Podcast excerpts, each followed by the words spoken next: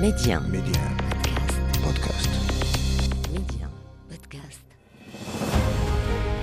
يقال من لا تاريخ له لا مستقبل له والتاريخ المغربي ماض مجيد يحفل بالوقائع والأحداث. أفتح معكم أنا محمد الغول كتابه وأختار لكم منه كل أسبوع صفحة من صفحاته المشرقة صفحات من التاريخ. ميدي 1 محمد الغول تاريخ المغرب. أهلا بكم متابعينا في عدد جديد من أعداد تاريخ المغرب والذي نواصل فيه اهتمامنا بتاريخ جوهرة الاطلس مدينة الصويرة.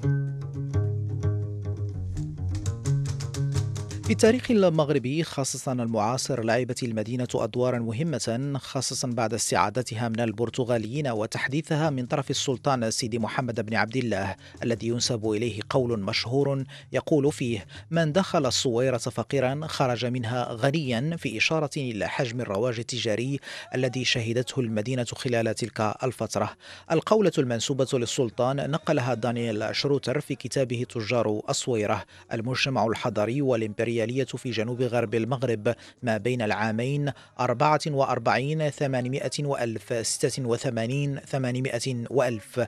لتصبح بذلك صويرة مدينة كاملة التجهيز بميناء مفتوح للتجارة الدولية وإن كان لعب مع ذلك الميناء دورا دفاعيا كما تقدم في العددين السابقين من تاريخ المغرب.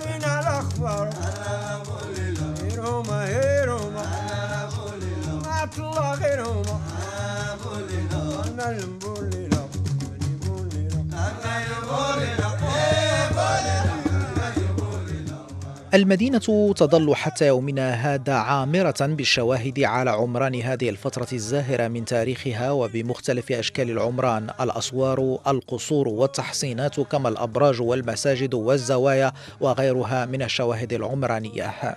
وفي هذا الخصوص كتب الفقيه أحمد بن الحاج الرقراقي الرباطي في كتابه الشموس المنيرة في أخبار مدينة الصويرة كتب مسجد القصبة مسجد أنيق ومعهد شريف جاء واسطة العقد بالقصبة المتقدم ذكرها وضرة التاج في مبانيها حاز ضخامة البناء ورقة التحسين وإجادة التنميق وهو المسجد العتيق والمعهد الأقدم من بناء السلطان سيدي محمد بن عبد الله.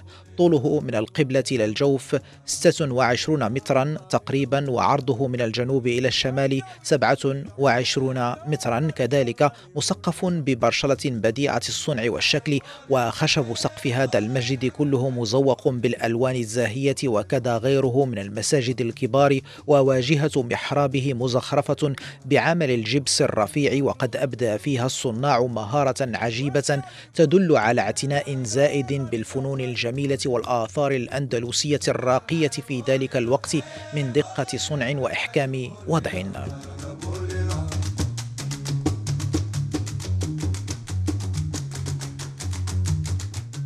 وفي موضع آخر من كتابه كتب حول الأضرحة بالمدينة وننقل عنه. الأضرحة بالصويرة أولهم ضريح القطب الأشهر ذو الكرامات الظاهرة سيدي مقدول بن عبد الجليل الرقراقي نفع الله به ويوجد خارج الصويرة بنحو ثلاث كيلومترات تلوح عليه أنوار القبول وعليه قبة كسيت بالقرمود الأخضر ويتبع ضريحه رضي الله عنه عدة مرافق لأن الزوار تقصده من سائر الجهات وقد اشتهر.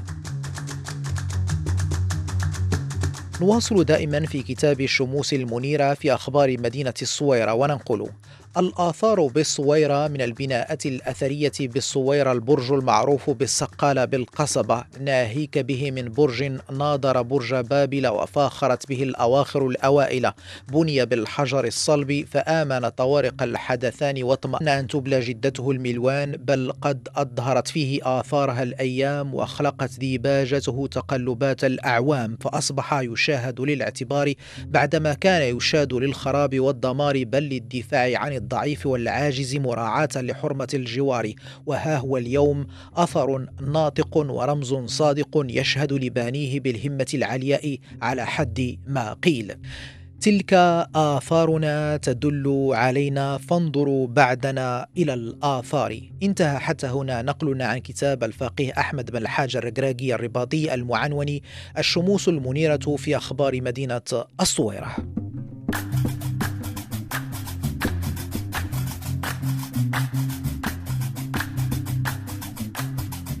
ولتعمير الصويرة بالساكنة جلبها السلطان سيدي محمد بن عبد الله مجموعات بشرية من مختلف المناطق والفئات المغربية وكان أولهم الجند. وبهذا الخصوص سكان الصويرة كتب دانييل شروتر في كتابه تجار الصويرة لقد بنى السلطان المرسى من أجل المبادلات التجارية إلا أن توفير سلطة المخزن وتدعيمها تطلب في موازاة ذلك إنشاء مؤسسات عسكرية بالمدينة الجديدة. ويمكن القول أن السلطان سيدي محمد بن عبد الله كان بصدد إنشاء مدينة على غرار الرباطات وهي تلك القصبات المحصنة التي بنيت على طول السواحل المغربية في القرنين الرابع عشر والخامس عشر دفاعا عن الإسلام من أعدائه البرتغاليين وقتئذ.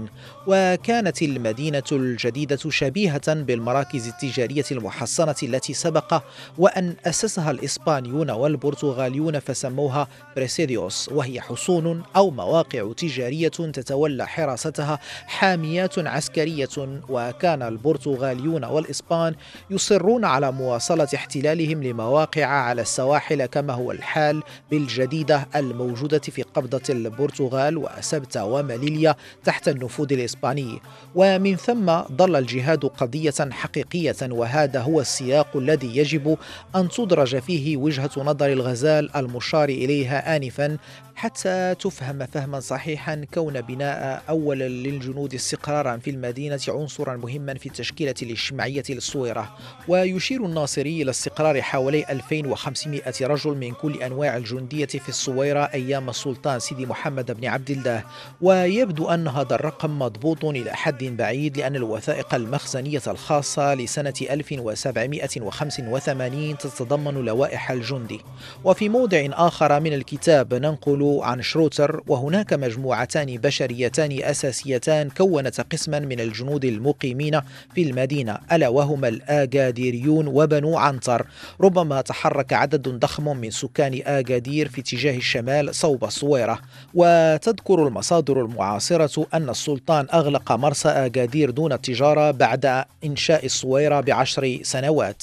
أما بنو عنتر فلا نعرف عنهم إلا القليل عن قدومهم إلى المدينة كما نجهل الكثير عن هويتهم الحقيقية.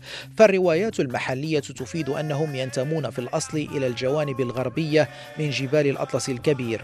وعلى الرغم من الغموض الذي يحيط بأصولهم فقد كان ينظر إليهم بأنهم أحد المجموعات الرئيسة ضمن الجند المقيمين.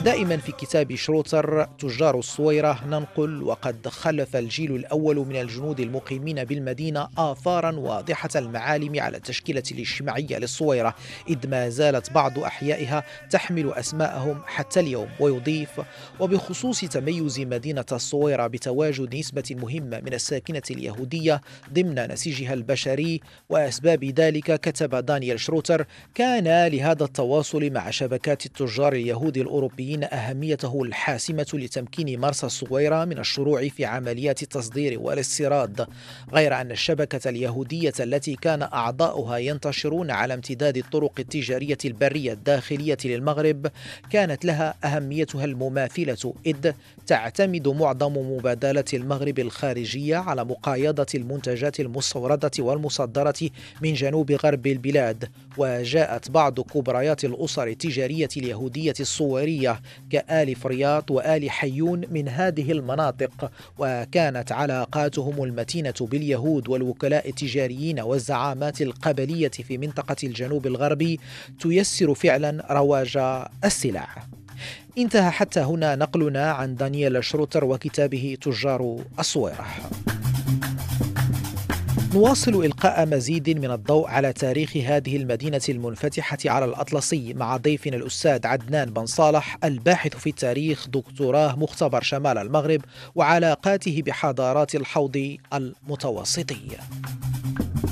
فعلا وعندما كتحدث أستاذ عدنان عن الزوايا نعم. فانت كتعود إلى الدور الدفاعي للمدينه فحنا كنعرفوا بأن آه، الزوايا في تاريخ المغرب كان لها دور الرباط والجهاد والدفاع آه، ربما الأساس ديال الزوايا في المغرب هو هذا قبل أن آه، أن يكون لها الجانب الديني الصوفي الذي نعرفه جميعا ولذلك صحيح تماما هذا الذي ذكرت أنا كان منطلق كلامي أن تحدثت عن عن النزعة الصوفية في المنطقة في القرن أكيد. الخامس والسادس.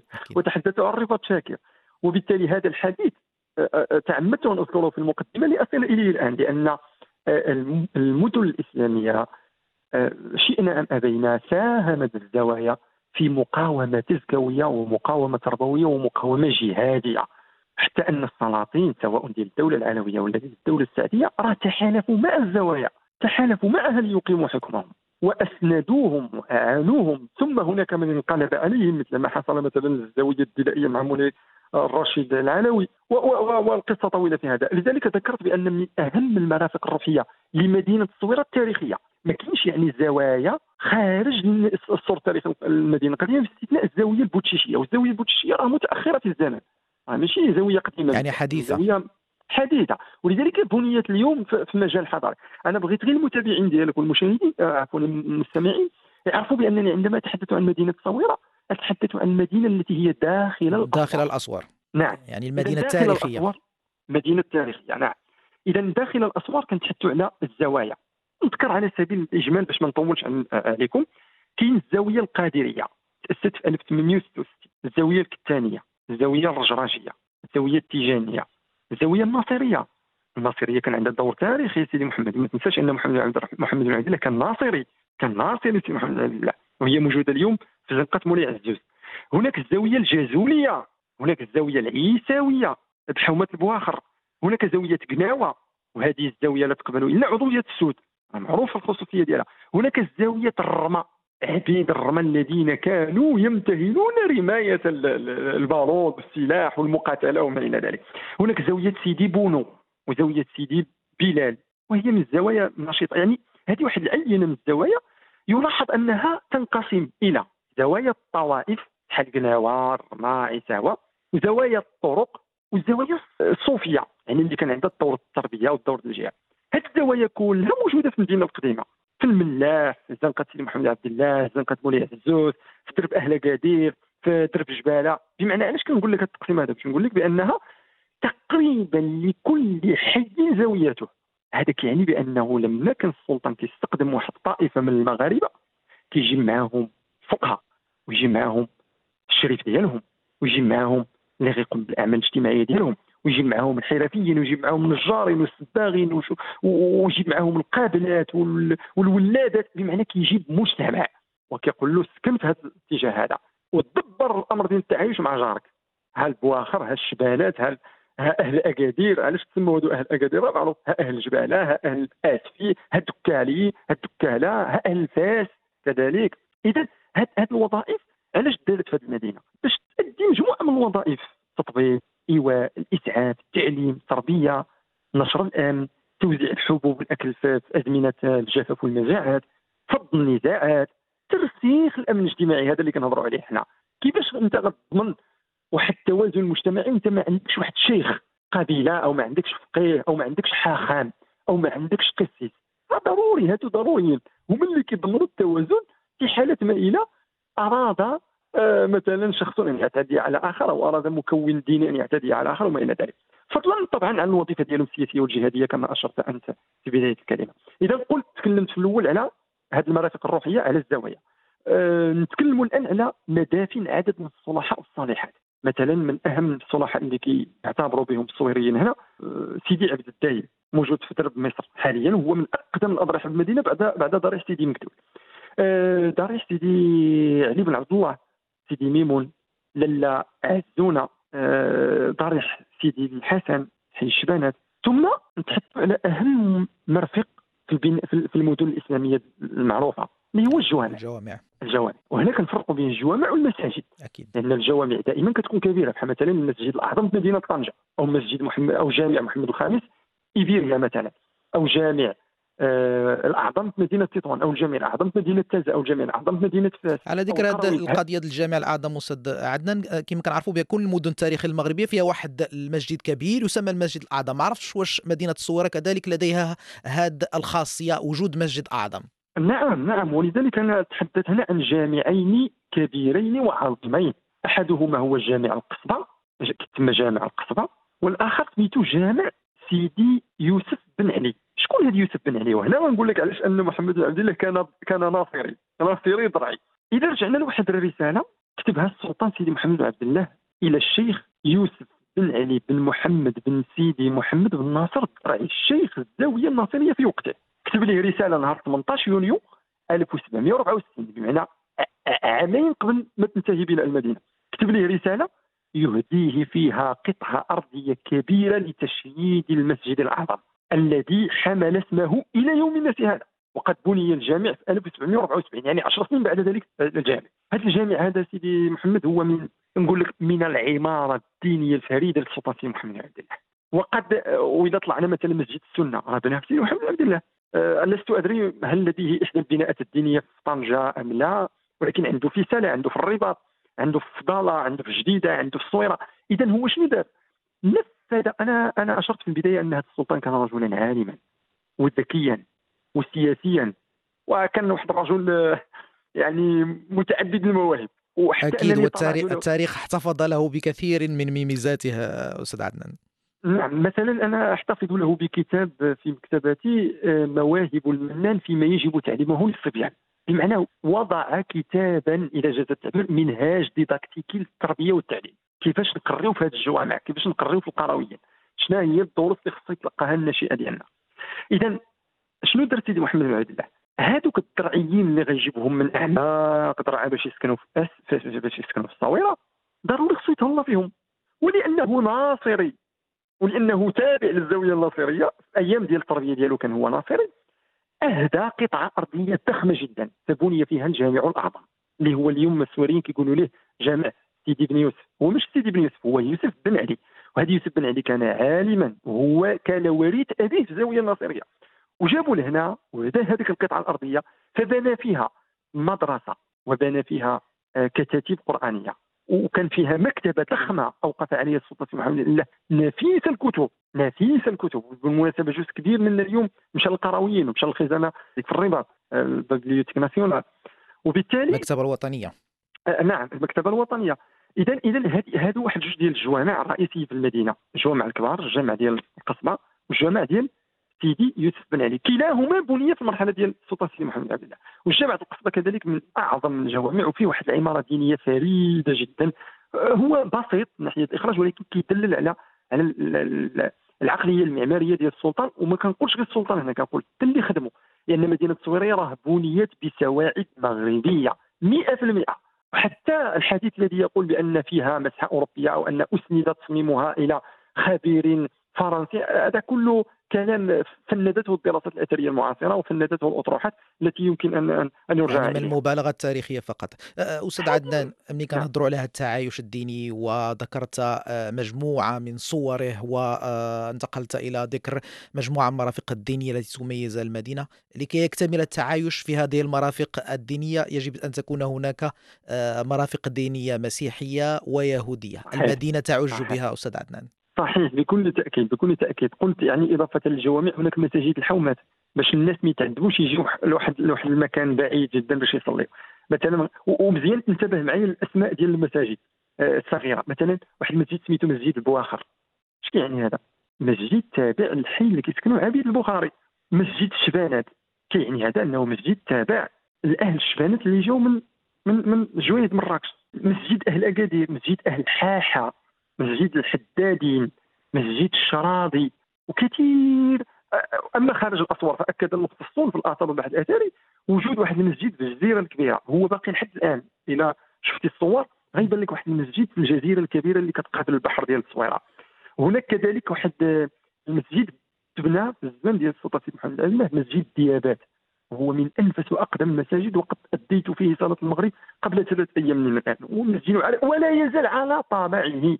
على طابعه على إخراجه لم يعتنى به إلا إلا قليلا على مستوى الجير والجبر يعني لم يتغير لم يتغير آه، شكله كثيرا عما آه، لا شكله ولا لونه ولا روحه ولا طعمه فإنك عندما تدخل إليه تشعر بأنك كان كأن السلطان محمد بن راه مصلي على اليمين ديالك في واحد الجو واحد الهيبة واحد الرهبة واحد مظلم حتى الإنارة ديالو إنارة ضعيفة وخافتة حتى أن المصلي الإمام الذي صلى بنا صلى بلا ميكروفون بلا صوت لا تكاد حتى قراءته. وكأنه يتعمد أن يحافظ على أن يحافظ على الروح التاريخية للمدينة والأجواء التاريخية. نعم على أن يحافظ على الروح. اذا كما أشرت سيدي محمد إضافة لهذه المكونات الدينية الروحية التابعة للأمة ديال الإسلام المغاربة كاين هناك الكنائس.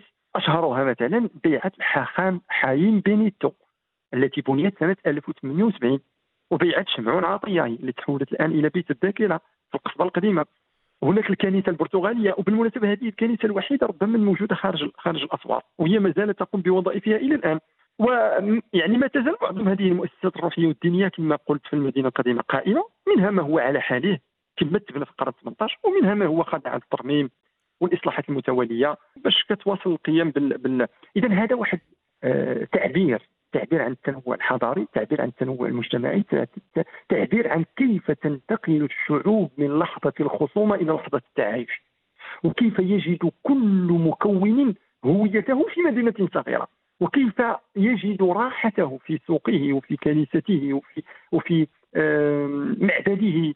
وبالتالي يعني المدينة لو جينا نحكيو على هذا الجانب ديال التعايش الاجتماعي فهو ماشي وليد اللحظة وليد هو تراكم وربما نتاج النظرة البعدية للسلطان العلوي سيدي محمد عبد الله. الأستاذ عدنان بن صالح الباحث في التاريخ دكتوراه مختبر شمال المغرب وعلاقاته بحضارات الحوض المتوسطي شكرا جزيلا على مساهمتك القيمة معنا وكل هذه المعطيات الغنية حول تاريخ مدينة الصويرة ومساهمتها في التاريخ المغربي في عمومه وخاصة منه المعاصر.